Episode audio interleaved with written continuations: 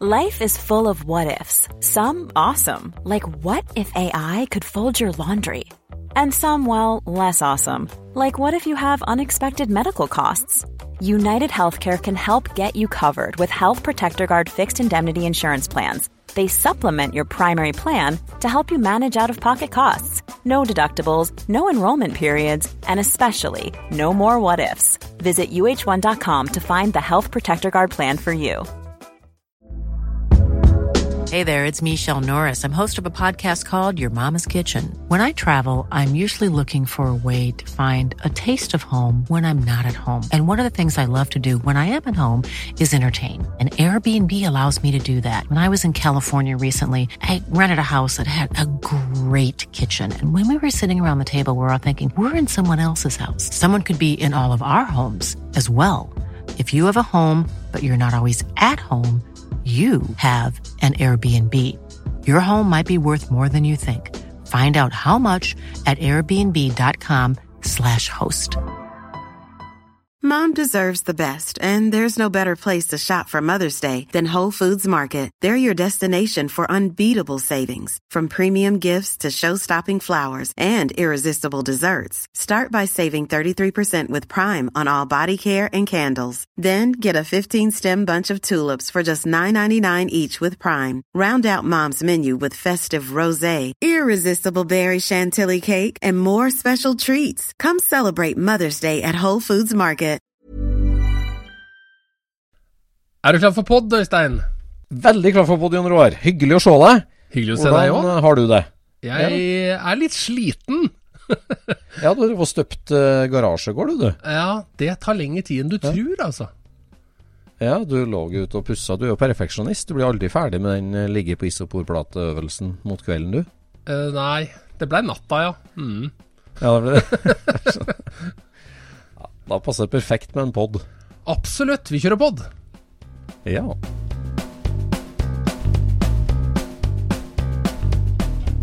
Du lytter nå til Scootspodden, en norsk podkast om klassisk bil med Jon Roar og Øystein.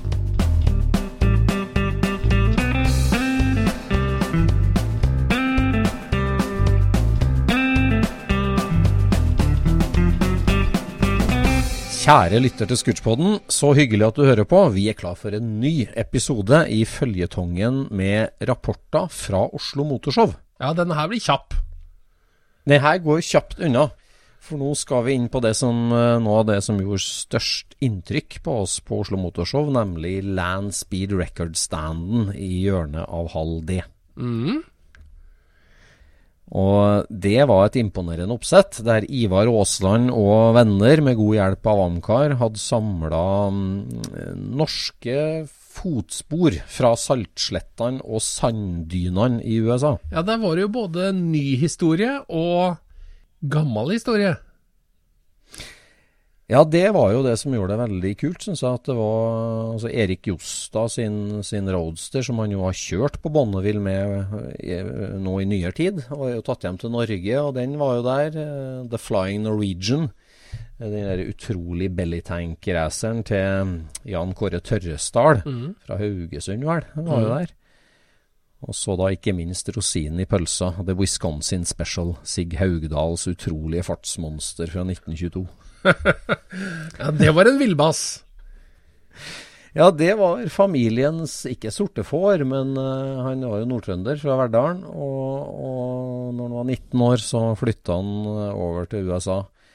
Uh, og, og hadde jo en utrolig en bajas-karriere, men det er ikke riktig å si. Nei.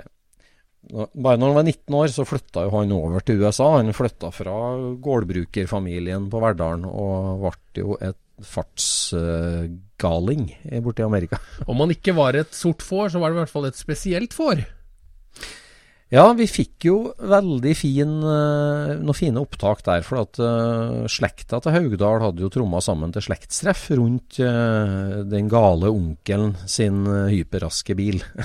Ja. Skal vi klippe rett over dit, da, eller? ja, vi skal gjennom både å hilse på eh, han som gjorde det hele mulig, Ivar Aasland, og vi skal snakke litt med eieren av denne utrolige bilen i dag, eh, sveitseren Heinz. Ja, Og så skal vi snakke med onkelungen til en Sig Haudal sjøl, som kommer fra Verdal. det blir bra. Vi setter over til Oslo Motorshow. Yes, Jon Roar, da er vi i gang, da. Ja. Oslo Motorshow 2022. Vi har rigga oss til med stand i eh, halv C. Og uh, kosa oss veldig med å snakke med forskjellige lyttere. Og det er jo, må jo si at uh, Tinnsoldaten det er Overraskende mange som har fått med seg det. Ja, den eh, er allerede en liten kjendis. Ja, må nesten si det. Utrolig rart det der, altså. Men nå er klokka straks to på fredagen, og vi beveger oss mot Land Speed Record-standen til Ivar Aasland og fruen.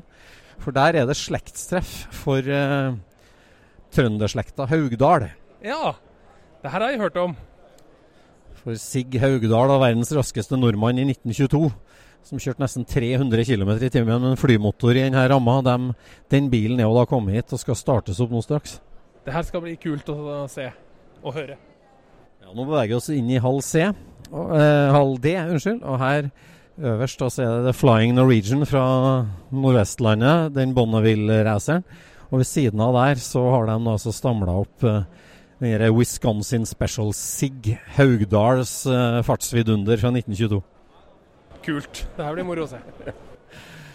Vi må bare bane oss vei her forbi det ene og andre. Skal vi se om vi kommer fram til der det skal skje. Her er bilen, vet du. For en herlig stand. da. Her er det jo som Bonneville Salt Flats, At det er blue sky, hvit sand overalt sammen. Og Det er lina opp flere biler som har eh, gått på Bonneville. Det er jo en del norske biler som har gått på Bonneville. Her ser jeg roadsteren til Erik Jostad i hvert fall, står fremst. Det Ser veldig kult ut dette her, da. Med den lange stripa med sand her, og, og racerbilen står igjen her og er klar. Drittøft. Så denne bilen har jo vært godt bevart i eh, USA i eh, mange, mange år. Og så nå er den da i Sveits hos eh, han eieren som går, kommer gående her. The Swiss Owner, som skal starte den og vise den fram. Det blir dritkult. Vi skulle egentlig snakka med han, vet du, men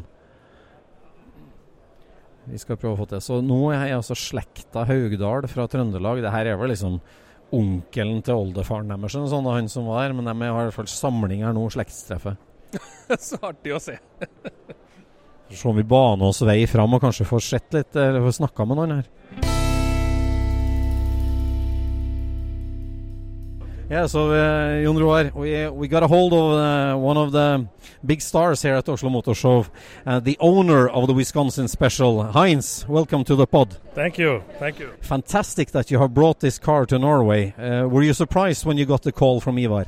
Oh, I'm very glad that I got the invitation uh, to be here with this car, which has a quite Norwegian history. So I mean, yeah, Were you aware of the Norwegian history of it? Uh, of course. I mean, uh, Sig Hockdal was Norwegian, and he was uh, known as the Flying uh, Norwegian. So there's a lot of uh, history about him. now, w- where and when did you find the car and buy it?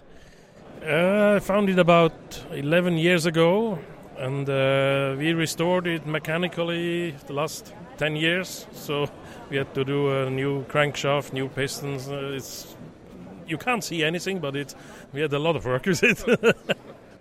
In our podcast, we speak a lot about this restorations, that uh, proper restorations that do, do not touch the surface of the uh, artifact. And this is what you've done with the, the special. It's fantastic. We love the job you've done. That's exactly what I try to do with all my cars. So I try.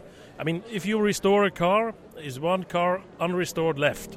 So uh, if all are so I, I love unrestored car, but they have all my cars have to to to work. You know, they're not just like a museum and do not every all the cars are, are working. You know.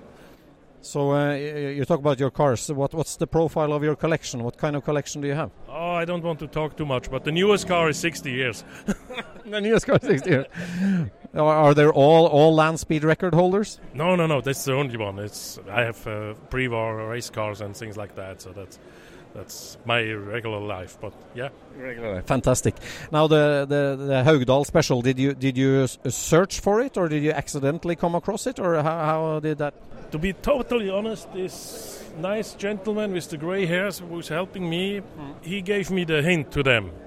Because uh, he knows that I like uh, big engines and things like that. I didn't see it, but when I saw it, it, it was mine. you were in love with it.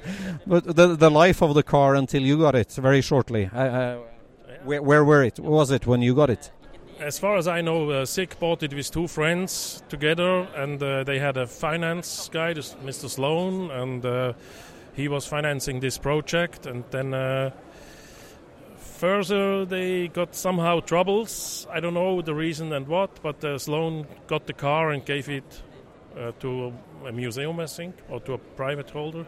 Then he went to another museum and then to uh, Uline, which is a huge collector in the United States, and the pre-owner uh, Midler bought it in 1993, I think, and unfortunately he died about I don't know 2000, early 2000s, and then I bought it from her, his widow. You bought it from. So when was the last time it ran before you got it? I think it was uh, two times in Goodwood and once in Pebble Beach with Mittler, and before it was really like a museum car by Uline. Fantastic, fantastic. So and now you're going to start it. Yeah, we try. Uh, we try at least. Is it a big procedure to get it started? Or? N- Normally not, but uh, we will see. We have uh, hundreds of people here waiting for to hear the sound of it.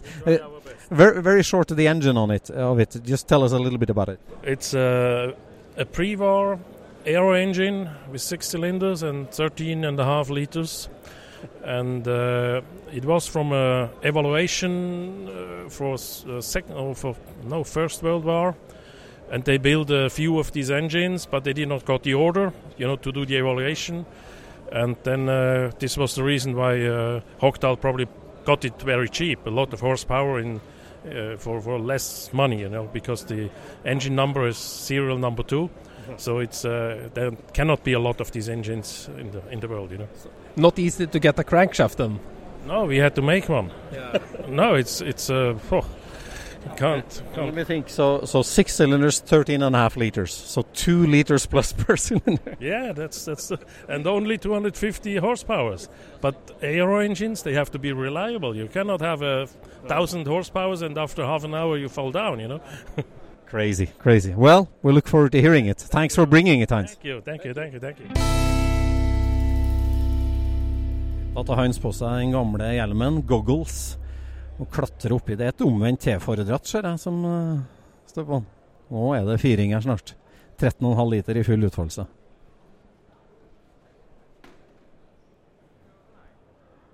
Trær seg nedi en sigarforma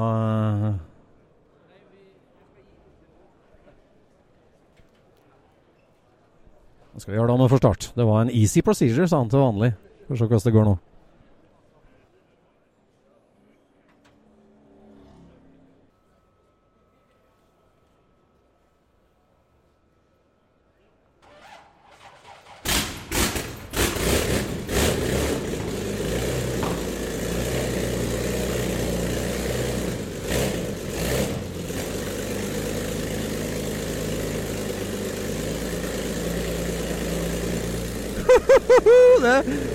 det bråker som et helvete. Omtrent som et 13 liters fly.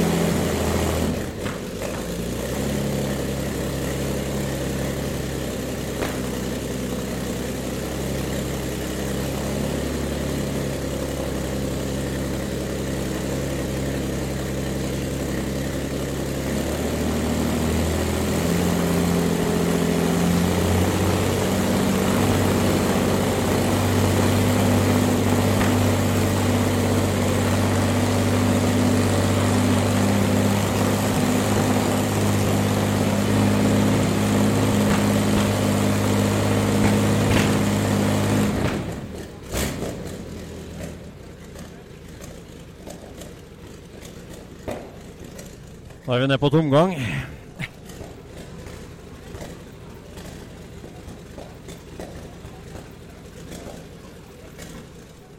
Vanvittig patina på den derre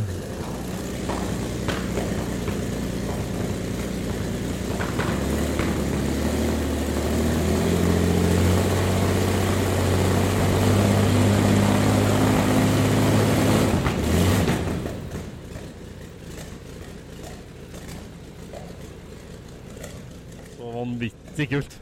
Herregud. Woohoo!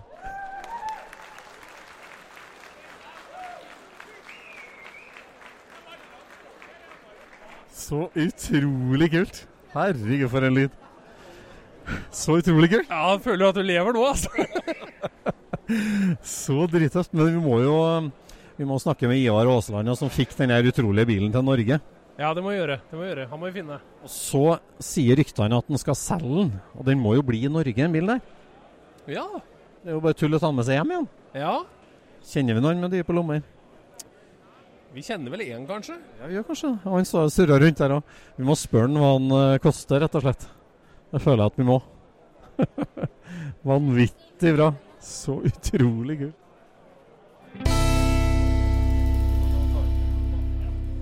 Ja, Det var litt av et lydbilde, Jon Roar. Ja, det var eh, Det rensa opp i øregangene, dette her. Det gjorde det. Og her er jo en bil med en helt uh, utrolig historie i Amerika, men han har òg mye uh, etterlatenskaper, for å si, eller slekt, her i, i Norge. For at han Sigurd Haugdal han utvandra fra Trøndelag til Wisconsin for uh, lang tid siden. Og nå står vi da med en som han var onkel til. Velkommen til poden vår, Sverre. Takk. Veldig hyggelig. Hvordan er det å se igjen bilen til onkelen din? Det var litt rørende. Ja, det var det, jo. Fordi at uh, vi hørte jo my mye snakk om en uh, Sigurd. Ja. Uh, han Familien sorte får. Nja Det kan godt hende det, fordi at faren hans var lærer. Og av bondeslekt. Og han har tror jeg nok gjerne har sett at Sigurd har blitt uh, bonde. Men var han Sigurd eh, yngst i flokken, da, eller? Den søskenflokken var han ikke Nei, han var ikke det. Mora mi var yngre. Ja, Men det var ikke han som skulle ta over gården, liksom? Nei, de har ingen gård, da, men det var jo mulighet for å skaffe seg gårder. Det var omkring 1911, det, vet du. Men hvor var han født hen, han Sigmund? da? Han Sigurd var født i Verdalen. Så, av, så han vokste opp der. Ja. Så han var storebroren til mora di? Ja, det var han, ja. Du er verdaling nå, eller? Nei, jeg er Levangsbygg. Levangsbygg er stor forskjell? Ja, det er stor forskjell. Det er på rett side av Trydelva. Men, men, hvordan har historien om verdens raskeste nordmann liksom forplanta seg i slekta di, da? Alle som har vært slekt med Haugdal, visste om dette. For det var gode forbindelser mellom uh, den uh, generasjonen som var foran Sigurd, som utvandra fra Hodalen i Sparbu, og Norge. Ja, det var det, ja. Men, var, han, var han heim da, til Verdalen? Og... Det var han ikke. Han tenkte seg tilbake på besøk i 1930. Og da kom jo krakket i Amerika, så han, de pengene som han hadde, da, de forsvant. Ja, akkurat. Det så var tenkte han vel å komme tilbake i 50-åra, men uh, det ble ikke. Da fikk han et slagtilfelle. Akkurat. Men sendte han noen bilder hjem, så det finnes noen bilder av eventyret her i ho, ho. Det var synd at jeg ikke har med meg den mappa nedover. Så dere har bilder av den med bilen og forskjellig sånt? Ja, ja, ja, ja, ja. Har dere det? Ja, det har vi. Fenomenalt. Vi har jo, jeg har med ei mappe fra som er, det, det, tremenning som har fått nå, som skal ta og se gjennom den. Ja. Sånn mappe. Med bilder og brev fra Bilder, bilder også omtaler av det han gjorde i Amerika. Ja.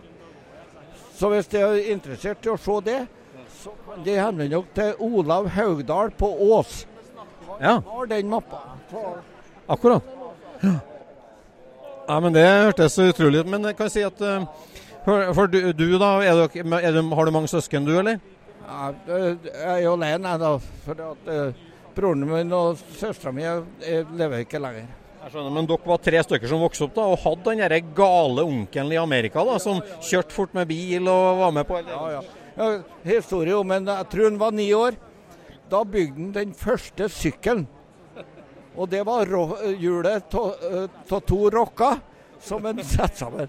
Og, og han trilla noen meter, og så gikk han da. Og dere var på Verdalen? Ja, det var på Verdalen. Eh, det var når Søskenflokken var vel på en fest oppe i Løksdalen. Og så skulle, eller, eller på andre sida av vannet, og så skulle de hjem. Og det var robåt. Så ble det sånn ganske bra. Og ro over der var tungt. Han hogg i bjørk og brukte som segl. Og det har vært De hadde ikke mer vett enn de syntes det var artig, men de havna ikke på hjemplassen, nei. sånn oppfinnsom type, altså. Fant på alt mulig. Emigrert i 11, så det var 11 år etterpå at han tok rekorden. da. Ja, det var det. Men eh, han, og han begynte å kjøre motorsykkel i Amerika. Og så har han en Fiat. Men det gikk ikke fort nok. Og så bygde han dere. Utrolig tøft, altså. Familiens tullball. Ja, kan godt si det. Kan godt si det. Når var han født, han da? Han var født i s- Randi? Når var i 96? Nei, 98 når Sigurd ble født. Du, det vet ikke jeg, altså. Men jeg har funnet fram posen med papir. Ja, det har du, ja. Her har Og du, skal vi se, du er dattera, eller? Jeg er dattera til en gutt. Ja, herlig. Så det er gammelonkelen din da, som var villmann i Amerika? Ja. Herlig. Ingen fellestrekk med onkel. Du liker ikke å gi på litt med bilen i hele tatt? Nei. Uff. Skulle hørt på onkelen din. Så her har dere Men var det her ting som han sendte over til slekta? det, eller? Jepp. Det her Dette har vi fått av eh, eh, sønnen til Sigurd. For han var på uh, slektstreff i Norge i, eh, i 2002. Var han det, ja? Sønn, så han stifta familie og fikk unger borti der? Ja, fire eller fem unger, var det? Fem? Ja. Så dere har stor slekt borti der nå fortsatt? da? Jeg har mer slekt på morssida i Amerika enn i Norge. Men hva mora di, da, Sverre, hva, hva syns hun om bror sin, da, som uh, fant på alt der borte i Amerika? Det, det var vel ikke Det var vel De aksepterte at han har reist til Amerika. Men faren hans tror jeg ikke aksepterte. Nei, jeg skjønner. Kom hjem, som jeg sa, det at han kom hjem en dag til foreldra på besøk. Og så sa han det at i morgen reiser jeg til Amerika. Eventyrlysten type, og det viste seg jo på det han gjorde da, borti der. Utrolig artig da, at dere kommer når jeg skjønner kommer enda flere Haugdal-etterkommere i morgen òg. Ja, det skal komme noen i morgen. Ja. Ja, og så Jeg blir jo veldig sånn stolt når jeg kommer hit og, og ser liksom familiehistorie. For jeg, du Det er en historie vi har hørt om, men jeg tror ingen av oss nødvendigvis har vært sånn kjempestolt av det. det er sånn, Ja ja, han drev jo på med noe. og så kommer du hit og så skjønner du at det her er jo en hovedattraksjon. Og bare OK, vi er der, ja. Han er helt i en liten menighet, så. Jeg har skjønt det. Ganske stor menighet her. da. Ja, stor menighet. Det er veldig, Nei, det er veldig artig her. Altså, at dere kommer og at dere omfavner historien på sånn, og bilen. Og, fantastisk. Har dere fått snakka med han sveitseren som eier den? eller? Eh, Det har ikke jeg gjort, men eh, noen av de andre har gjort det. Ja. Hvor mange er dere her nå, da, Haugdal? da? Og vi er vel åtte stykker. Virkelig artig, altså. Kjempeartig. Ja, nå hører jeg at han vurderer jo faktisk å selge bilen, så jeg vil foreslå et sånt slektspleiselag. Au, au. Du, Det er jo noen verdalinger her. Kan ikke du spørre dem om de kan tippe Lotto? Ja. Har de, har de eh, Verdalingen, om de er interessert i å kjøpe for å ha på Stiklestad nasjonale eh, museum. Der hadde han virkelig passa inn, da. Raskeste hverdalingen. Nei, kjempetrivelig. Det vi s- stå Kom hit, gitt. Da må verdalingene kjøpe den, da. Det skal vi se råd for. Ja. Kronerulling på Hardalen. ja. Ja. Vi kan jo pantsette et hus. Ja, det kan bli kostbart. Han fortalte oss akkurat at han har laga ny veivaksling til den akkurat nå hjemme i Sveits. Så han er ikke billig som han står heller. Vi har jo Røkke og Gjelsten som vi kan henvende oss hos via. Det har dere, godt du. Bruken Gjelsten, og da kjøper en gladelig dere, vet du. Ja, det gjør nødt til å bli småpenger, dere, vet du. Nei, men Det var veldig artig at dere kom, og veldig at dere kom innom podkasten vår òg. For det her var veldig, veldig artig norsk historie. Som, som du sier, en hovedattraksjon her på Oslo Motorshow. Ja da, det er det. Takk og takk. Jeg visste ikke at bilen eksisterte heller. Jeg. Nei, det er jo det er er min som bygde den, da. Ja, ja, ja. Det gjorde den i høyeste grad. Det er så deilig at den er så godt bevart òg. Nei da, så Det kommer jo folk og slekt fra hele Norge så, ja, og ser på den. tok ut den eh, på noe løp i Amerika for å vise den i sin tid. Men uh, uh, grunnen til at den er solgt til Sveits, vil jeg anta det at familien trengte litt penger. Det kan hende, ja. Kanskje. Jeg forsto han sto i stor bilsamling i Amerika, og så døde han eieren. Og så var det enka som solgte den til Sveits. Ja, stemmer det. Utrolig artig. Takk for uh, praten. Jo, takk. Sjøl takk. Her på Landspeed-standen på Oslo Motorshow, så det var tjukt av folk her nå når vi starta på Wisconsin Special. Og mannen som er liksom arkitekten som har fått til alt det her, Ivar Aasland. Veldig hyggelig å hilse på deg. Jo, takk det samme. Gøy å få snakke litt med Scooch-gutta. Ja. Utrolig flott stand du har fått til her. Fortell oss litt om det. Jo, takk for det. Um, jeg har alltid hatt en eller i mange år hatt en idé om å, å lage en landspeed-stand. Jeg har blitt mer og mer interessert i det. Jeg var eh, i Haugesund og lakka The Flying Norwegian. Det er en bil som står utstilt her, som er bygd helt ifra scratch av Jan Kåre Tørresdal. Han eh, har bygd den med en sånn bellytank som utgangspunkt. Eh, tatt han over til USA, til Bonneville, og kjørt 300 km i timen der. Han er god for mer. Men uh, da fikk jeg snusen i det der med Flying Norwegian. For den bilen kalles The Flying Norwegian. Og det er altså kallenavnet på Sig Haugedal. Det var en trønder som utvandra fra uh, Leksdal i Trøndelag i 1910, tror jeg det var. Uh, han, uh, og I 1913 så begynte han å kjøre motorsykler og vi, ja, biler og bygde. Og, altså et teknisk geni. Men altså Tørresdal sin nybygde Bonneville-racer, uh, var den med meninga kalt opp etter Sig Haudals bil? Han, ja, det var han. For, for Tørresdal kjente jo denne historien. og han hadde undersøkt litt borti USA, og slektningene etter etter uh, Haugedal. De visste ikke hvor bilen fantes, men de visste at han fantes. Uh, og det er ganske uvanlig i seg sjøl, for sånne racingbiler de ble enten kjørt i filler, eller så plukka de motoren og satte den i noe annet. Eller så plukka de ut motoren og satte i en større, osv. Men denne bilen er altså rett og slett sånn som han var i 1922. Når Sig Haugedal satte verdensrekord, uoffisiell verdensrekord, på Daytona Beach. Da kjørte han eh, ved fjerde sjø. Når sjøen trakk seg tilbake, så ble det knallhardt på stranda. Der kjørte han nesten 300 km i timen med fire sykkeldekk og en flymotor. Helt vilt. Vi har jo ja, sett den her, og det å 300 km i timen bak rattet der, det er modig, altså. Ja, det er modig. Det her er en eh, Ja, det, det ser jo ut som en løpsbil, det gjør jo det, men dette her er så tidlig. At det ser eh, Det er spartansk. Men altså, jeg tenker du, Ivar, eh, Amcar-entusiast og veldig dyktig skilt- og pinstriper, dekormaler. Så du, det starta egentlig som et oppdrag til Haugesund? Er det feberen for deg?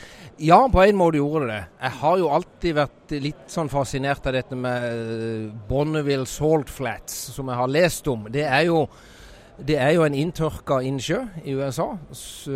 tidligere saltvann, da. Så, så hele bunnen er jo salt, som er aldeles slett. I, det er vel oppi Den lengste banen er vel en 30-40 km lang. Uh, og der kjører de jo da så fort remmer og tøy kan holde.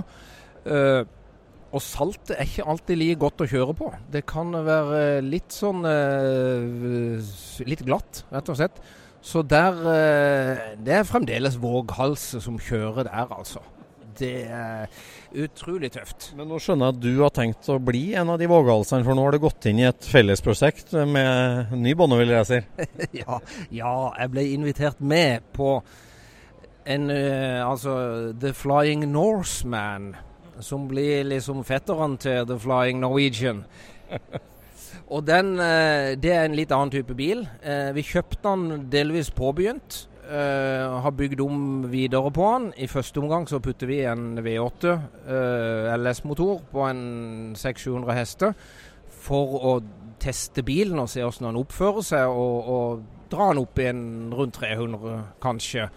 Eh, Så her, så her er dere et, et, eh, et team som har gått sammen og bygger bilen sammen og finansierer og bygger. og Skal ikke dele på kjøringa da, eller? Uh, ja, i alle fall opp til en drøyt 200 km i timen. Så er det mulig jeg gir meg der, altså. Høres ut som du har vettet i behold. ja, jeg vil jo hjem til kone og barn etter hvert. Ja, ja, ja.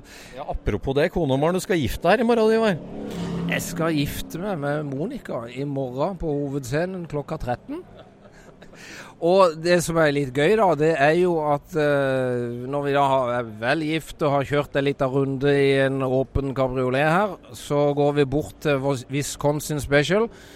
Og så som en eh, liten salutt for eh, brudeparet, så fyrer han opp bilen. Det er ikke noe orgelmusikk her. Nei, det er ikke orgelmusikk, men det er god låt allikevel. Det er litt sånn orgelpipa ute på sida her, ikke? Ja, det er jo nærmest det. Det er jo det, å stikke fram. Han står jo en halvmeter ut av eh, eksosen når han eh, fyrer opp. Ja, ja, ja. Helt rått. Og så etter da eh, søking, og så fant du ut av at bilen finnes i Sveits, og du fikk kontakt med eieren rett og slett, og fikk en hit. Ja. Og, og, og litt før det så gikk det jo opp for meg mens jeg planla denne standen, at, og det var jo i 2019 eh, 2020, det var da det ikke ble noe, var det sånn det var? Eh, Koronaen? Ja. Så ville jeg ha dette her i gang eh, i 2021. Men da gikk det opp for meg at eh, 2022, da er det 100 år siden han satte rekorden. Og da la jeg det på is et år og sa at vet du hva, vi må ha denne bilen på 100-årsmarkeringa. Og det syns jo han eieren var virkelig kult. Å ta bilen til Norge. Bygd og kjørt av en nordmann. Første gang bilen er i eh, Norge. Eh, og så får vi jo jeg vet ikke, det, det er snakk om at en må prøve å tromme sammen litt penger for å kjøpe denne bilen når den tid kommer at han vil selge den. Jeg skjønner rykt, ryktene går om litt kronerulling rundt omkring her, for det, jo, det er jo en fantastisk norgeshistorie. det der. Ja, det er rett og slett det det, det, det er. Det er få som kjenner historien. Og, og eh, han Sig Haugedal han kom jo aldri tilbake til Norge. Og eh, litt av grunnen var jo at eh, han Det gikk veldig opp av det med økonomien. Det var nok en litt sånn vill mann, hele mannen. Så satte han pengene over styr en stund, og så tjente han godt. For han, han brukte jo denne bilen til å kjøre på holdt på å si travbane, altså oval grusbane. Og ble kalt verdensmesteren av dirt track, som var de grusbanene de kjørte på. Uh, og han, han var jo som sagt et sånn teknisk begavelse. Han uh, Ut på 30-tallet en gang så bygde han jo uh, verdens første noenlunde fungerende rakettbil. Med, med 37 raketter som ble fyrt av på en gang. Noenlunde fungerende òg. Ja, for du kan jo, Det er litt vanskelig å tenne 37 eh, raketter samtidig. ikke sant? Så det ble, mye, eh, det ble jo nok mye skrik og lite ull. Eh, Det gikk ikke kjempefort, men du vet, showfaktoren var stor. Og da tjente han penger. Ja. Utrolig artig. Men jeg tenker Flying Norseman, når debuterer han på Saltsletta den? Oi, vi tør ikke Vi må ha noe mer respons der. Så øh, vi satser vel kanskje på 2024, men kanskje 25. Og da, skal, da tar vi begge bilene over i tilfelle. Både Flying Norseman og Flying Norwegian. Heia Norge. Ja, heia Norge.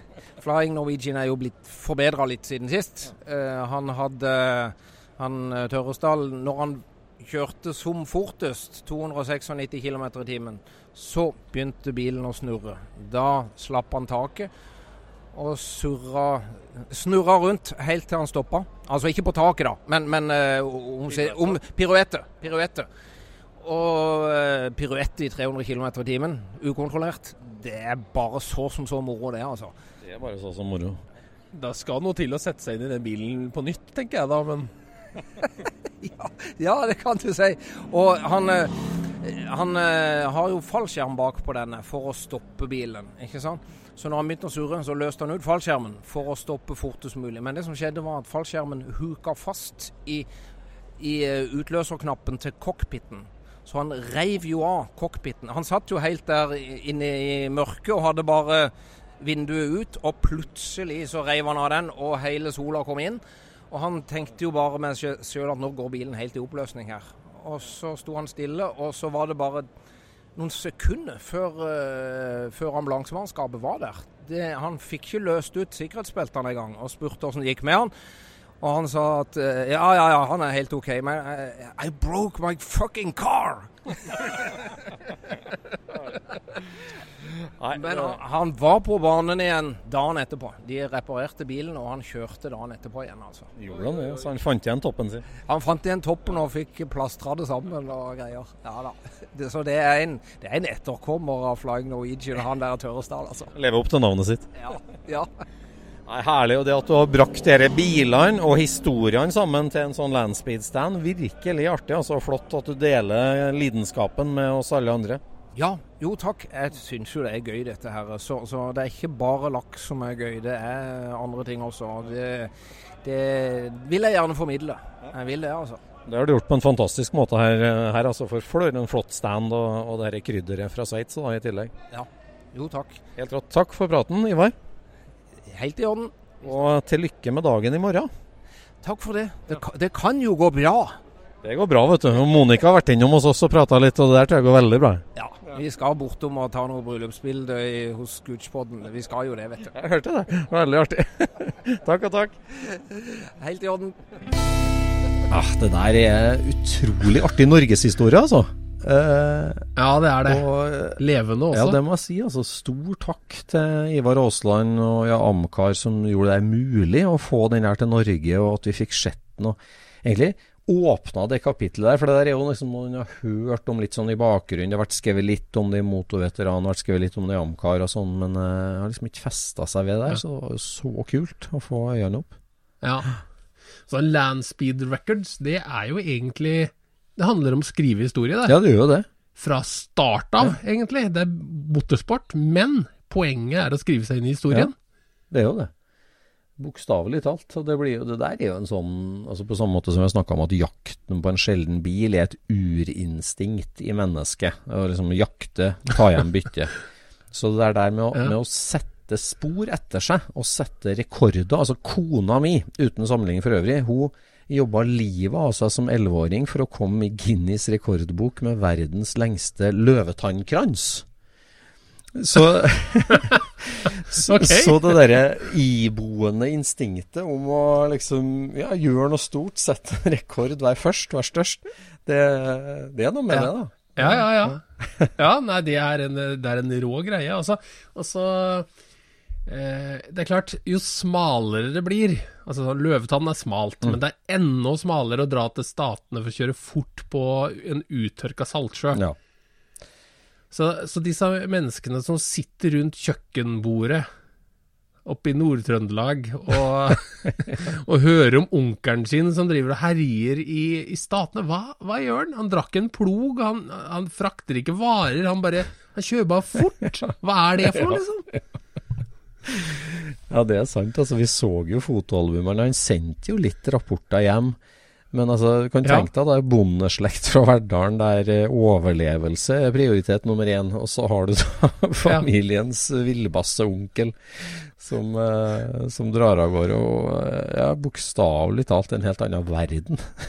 altså, ja, det er jo en Altså, det der føles jo som lek, ikke ja, sant? det gjør jo det. Altså, til og med i dag så er det lek. Ja, det gjør det. og den gangen var det jo liksom ingenting annet enn lek. Nei, nei.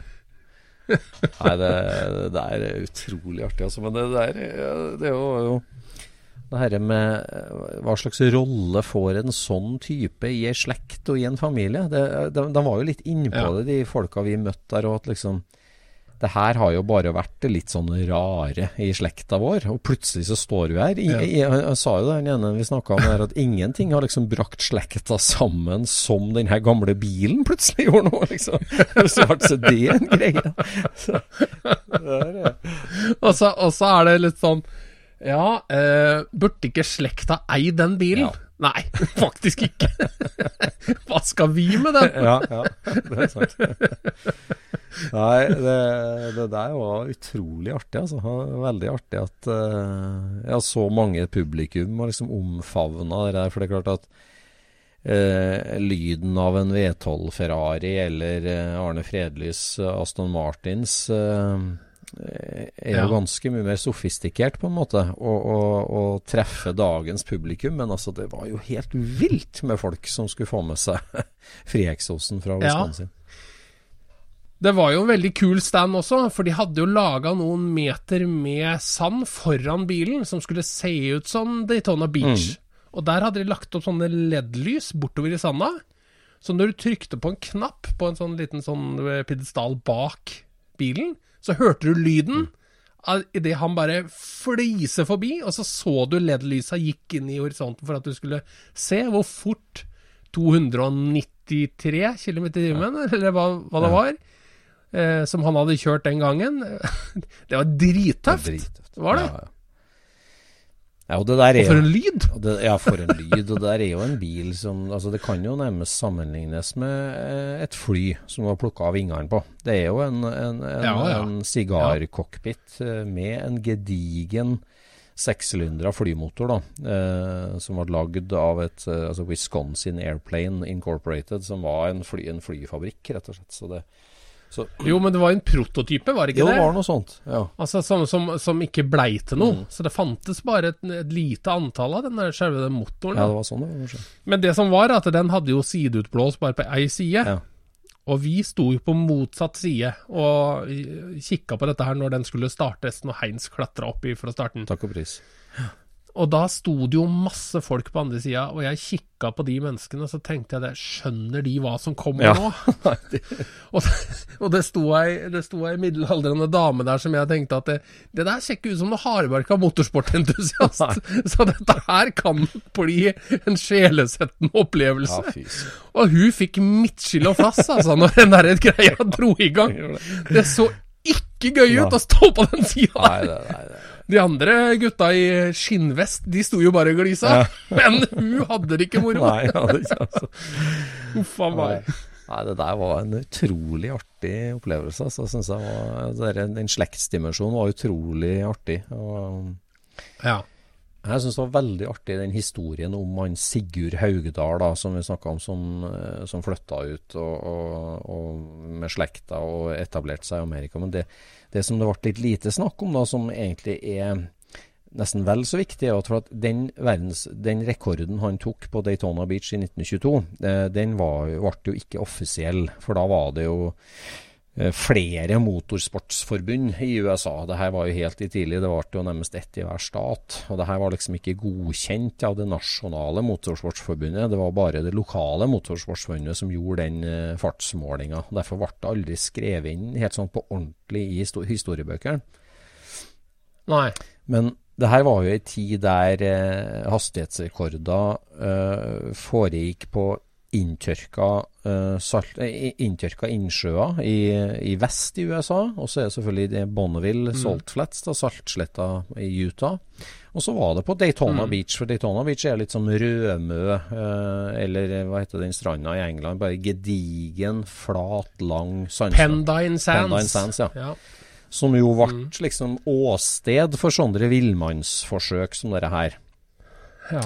ja. Og og så, eh, når du leser litt om det her, så er det liksom historien mellom Altså den knivinga mellom Daytona og Bonneville. da. Når, liksom, om å gjøre å ha de raskeste bilene og ta de største rekordene. Og etter hvert så tok jo Bonneville helt og holdent den rollen, fordi at rett og slett det er jo uendelig mye mer kilometer å ta av. Det er jo, det er jo så ja, gedigent svært at, at uh, ei, ei, strand uh, svinger til slutt, eller, eller blir humpete til slutt, for å si det sånn. Ja. Så står det et sandslott et eller annet sted. Ja, jeg tror ja, det også. Så veldig sannsynlig Bonneville. Så jeg har sin, uh, har sin begrensning der, men uh, det som, som, da skjer, er jo at etter hvert som Bonneville da blir satt på kartet som hastighetsrekordstedet, så blir Daytona Beach, altså byen Daytona Beach, liksom fader eller vi skal jo ha vår rolle i dette her. Og i 1935 eh, så ba de Sig Haugdal og eh, eh, Bill France senior, som òg var en lokal racer i Florida der, så at dere to som kjører racerbiler og kjører veldig fort, kan ikke organisere en annen type racing her på Daytona for at vi skal trekke folk hit og, og, og, og liksom beholde statusen vår som en villmannskjøringsparadis? Ja. Så eh, i 35 og i 37 så arrangerer Sig Haugdal og Bill France eh, senior eh, to rundbaneløp på stranda på Daytona. Ja. Og eh, det var ikke noe suksess, for det ble så oppkjørt og herja og stygt. Og det så ut som en eh, pløyd åker til slutt på den sanda, så, så de måtte stoppe de løpene litt sånn halvveis gjennom, For at det ble, det ble for ulendt terreng, rett og slett, at de greide å kjøre.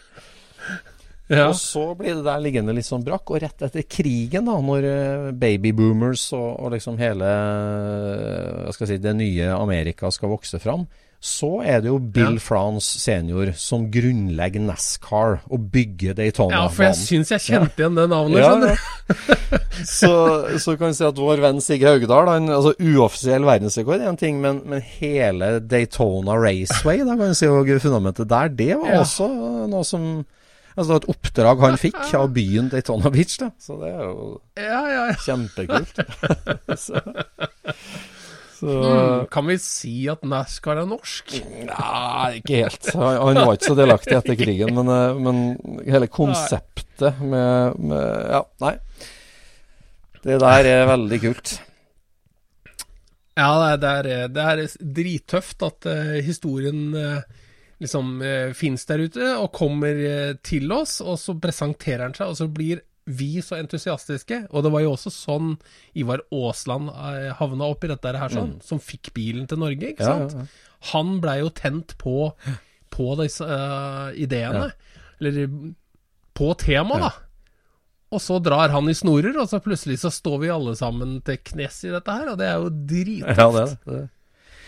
Det der er så rart. Det der faktisk slo meg eh, det, det, det slo meg i går eh, av den Revelation, for da spilte Manchester United mot Aston Villa.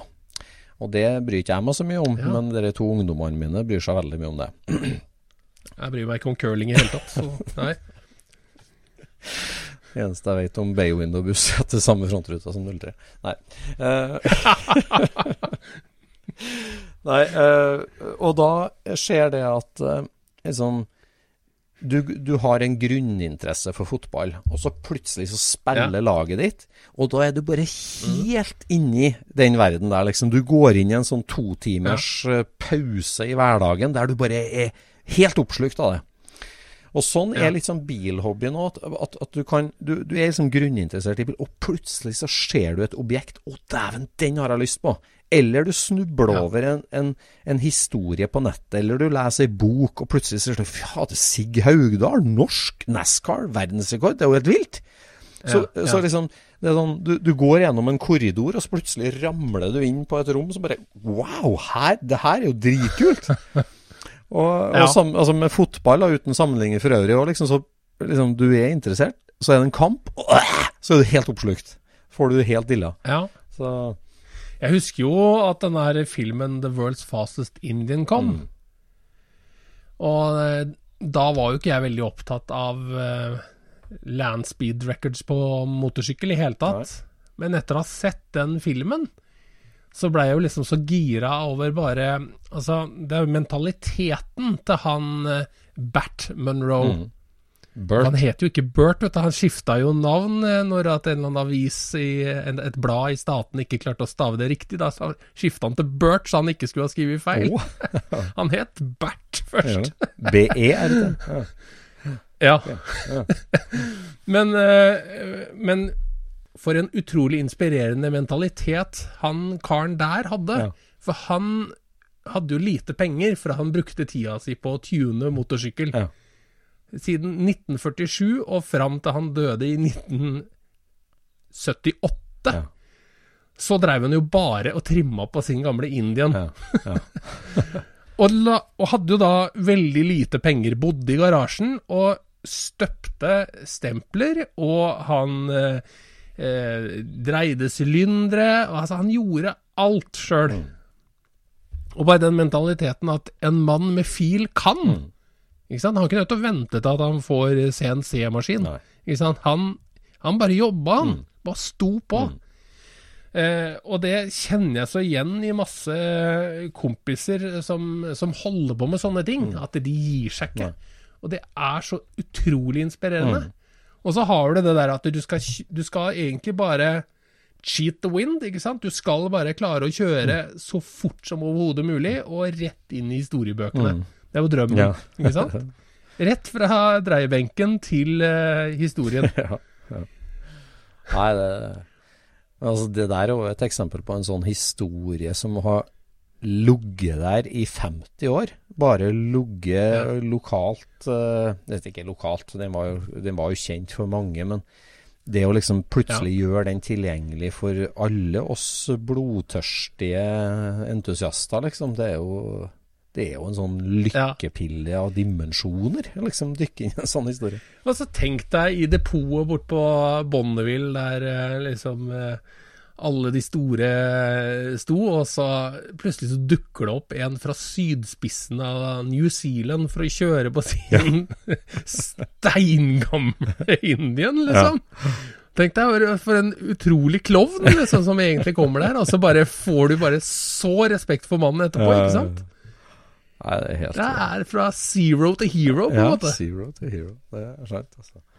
Nei, det var en veldig fascinerende historie, altså. Det, Ja. Jeg tenkte litt på det med det, sånn, litt det med Haugdal, da, som altså eh, Salt Flats kontra Daytona, og, og apropos uh, World's Fastest Indian, og jeg, jeg og vår gode venn Leif Arne, vi var jo på El Mirage uh, et år.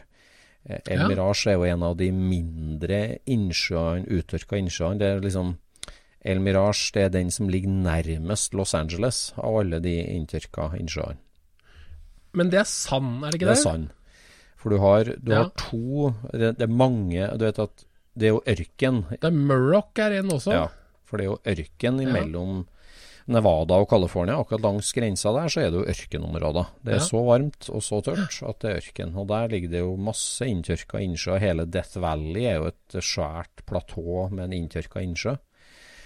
Men den er jo freda som nasjonalpark. Men litt da på California så, så ligger Murrock Lake og El Mirage. Um, El Mirage betyr jo nirvana, på en måte, de luftspeilingene du, du ser Ja, ja, ja. skinnsola. Eh, så det er jo en av de nærmeste til Los Angeles, og det har blitt veldig restriktivt da med kjøring fordi at uh, et, Hovedgrunnen er at, eh, at det, er, det er ganske Altså det, det, det er litt grunnvann der som kommer opp, og så hvis det regner, så samler det seg veldig vann, Så at det, det er veldig u, uforutsett hvor det kan være fukt den, og da setter de seg fast, bilene, og, og kjører opp Ja. veldig stygt. Og det blir mye sånn både naturødeleggelser og stor redning Eller så, eh, hva skal jeg si Henteaksjoner. Det blir mye berging. Mye berging, ja. ja. ja, ja, ja.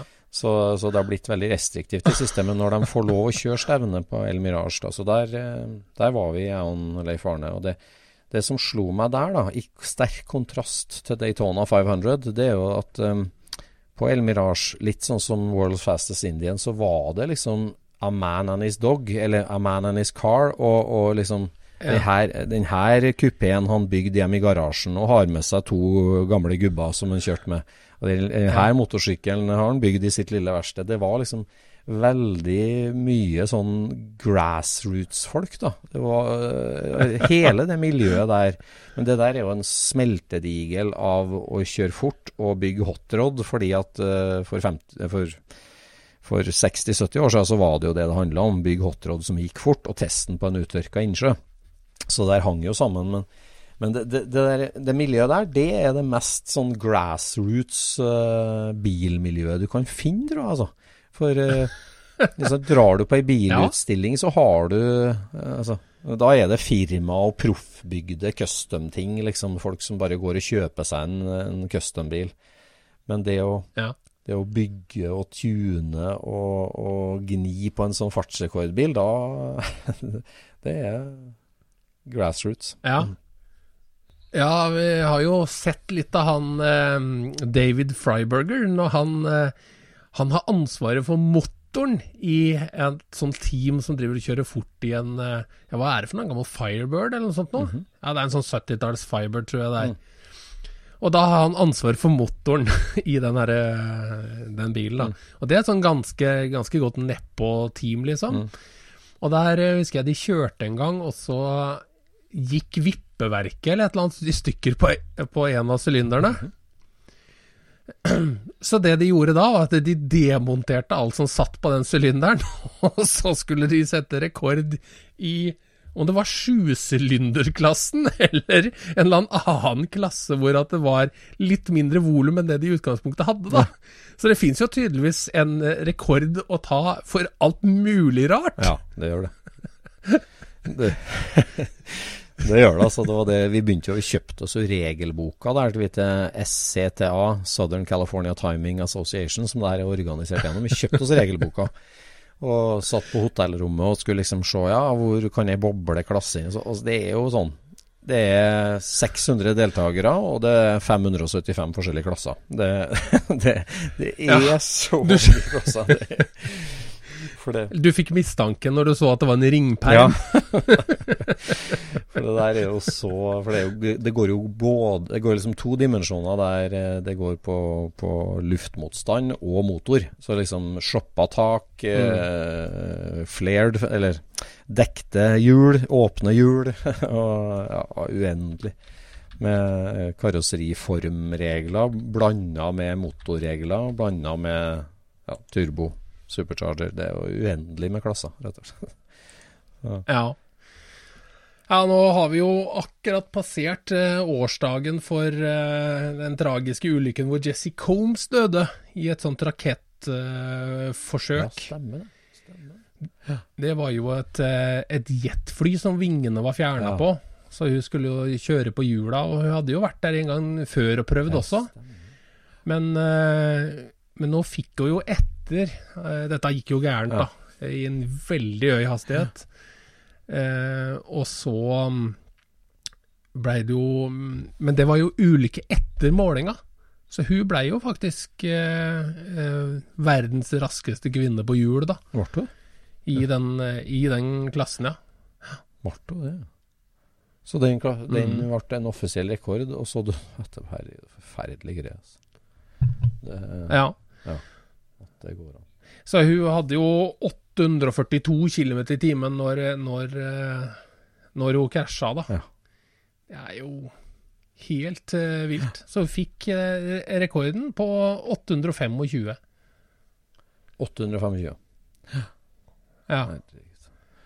Så det har akkurat blitt laga en film om henne og sånt. Jeg har ikke sett den ennå, men uh, en inspirerende dame som bare gjorde alt, liksom. Ja. Ja.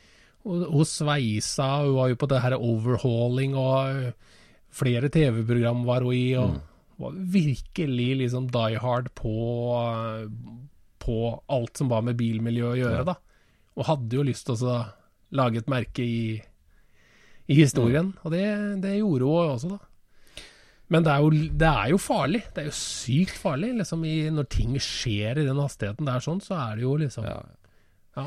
ja det tenker jeg liksom det er sånn det er litt sånn skøytetider, kan du si. At du tenker at uh, historien er det går bare nedover og nedover og nedover. Og hastighetsrekordene går bare oppover og oppover. Men du, du, når jo en vegg der etter hvert. Der, eh, der eh, liksom, altså, du, du, balanserer på en knivsegg, bokstavelig talt. Men, men altså, grensa mellom å ha hjul i kontakt med bakken eller fly er jo liksom Det som skjedde med henne, da, er jo at liksom, når det begynner å humpe, og når det går så fort, så er det jo bare ja, det, det må, Jeg vet ikke om det er en Så mye krefter, ja, det, Om det er en teoretisk grense der, eller hva det er. Men det er jo, det er jo Du må ofre livet da, for å gå fortere enn det virker som. Så det er jo kanskje greit ja, at du når ja. et slags platå i den hastighetskurven. Så, ja. ja, så er det jo liksom et eller annet med Altså, at det er på hjul, hvor viktig er det? Ja.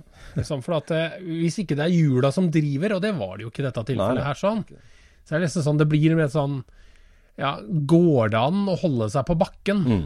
i et fly? Mm. Det er liksom Ja. ja. Men hastighet er hastighet, og det er, det er, heldigvis bare det som er regelverket der, på en måte òg. Mm.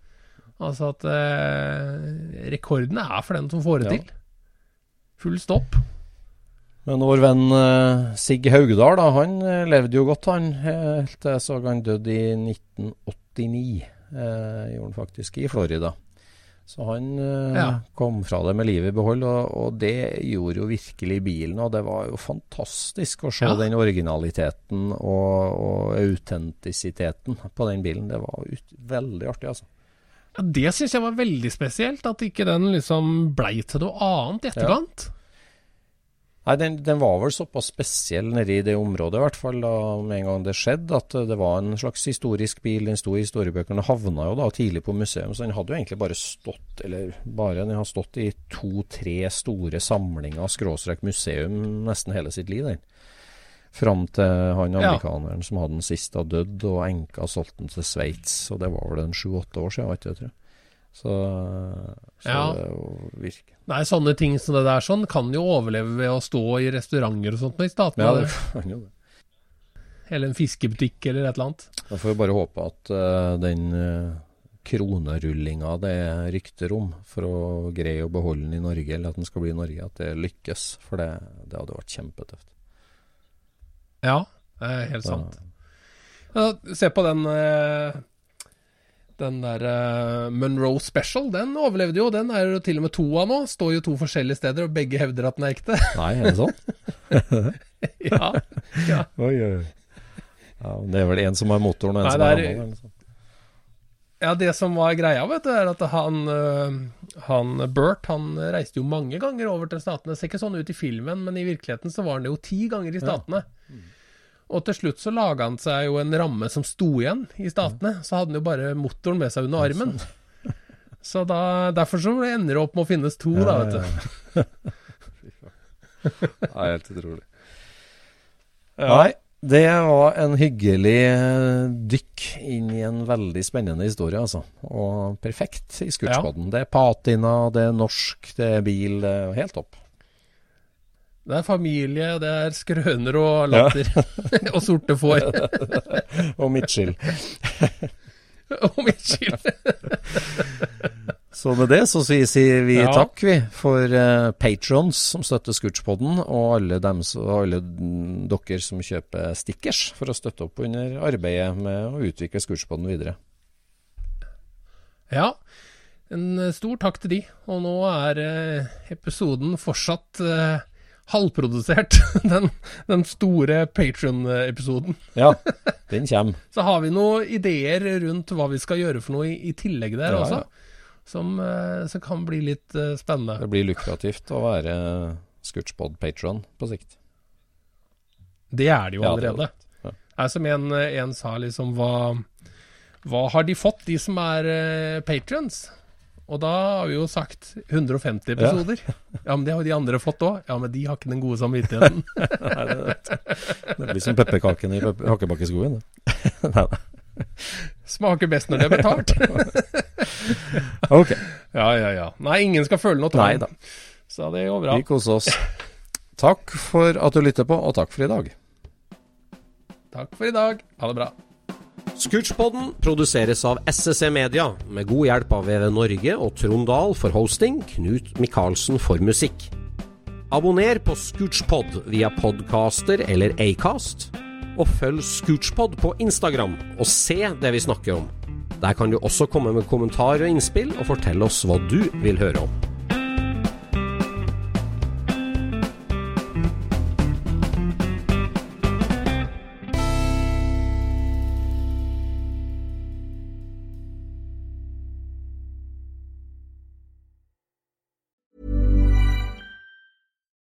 Deserves the best, and there's no better place to shop for Mother's Day than Whole Foods Market. They're your destination for unbeatable savings, from premium gifts to show-stopping flowers and irresistible desserts. Start by saving 33% with Prime on all body care and candles. Then get a 15-stem bunch of tulips for just $9.99 each with Prime. Round out Mom's menu with festive rosé, irresistible berry chantilly cake, and more special treats. Come celebrate Mother's Day at Whole Foods Market. Deserves the best, and there's no better place to shop for Mother's Day than Whole Foods Market. They're your destination for unbeatable savings, from premium gifts to show-stopping flowers and irresistible desserts. Start by saving 33% with Prime on all body care and candles. Then get a 15-stem bunch of tulips for just $9.99 each with Prime. Round out Mom's menu with festive rosé, irresistible berry chantilly cake, and more special treats. Come celebrate Mother's Day at Whole Foods Market. Planning for your next trip? Elevate your travel style with Quince. Quince has all the jet setting essentials you'll want for your next getaway, like European linen premium luggage options, buttery soft Italian leather bags, and so much more. And is all priced at 50 to 80% less than similar brands. Plus, Quince only works with factories that use safe and ethical manufacturing practices. Pack your bags with high-quality essentials you'll be wearing for vacations to come with Quince. Go to quince.com slash pack for free shipping and 365-day returns.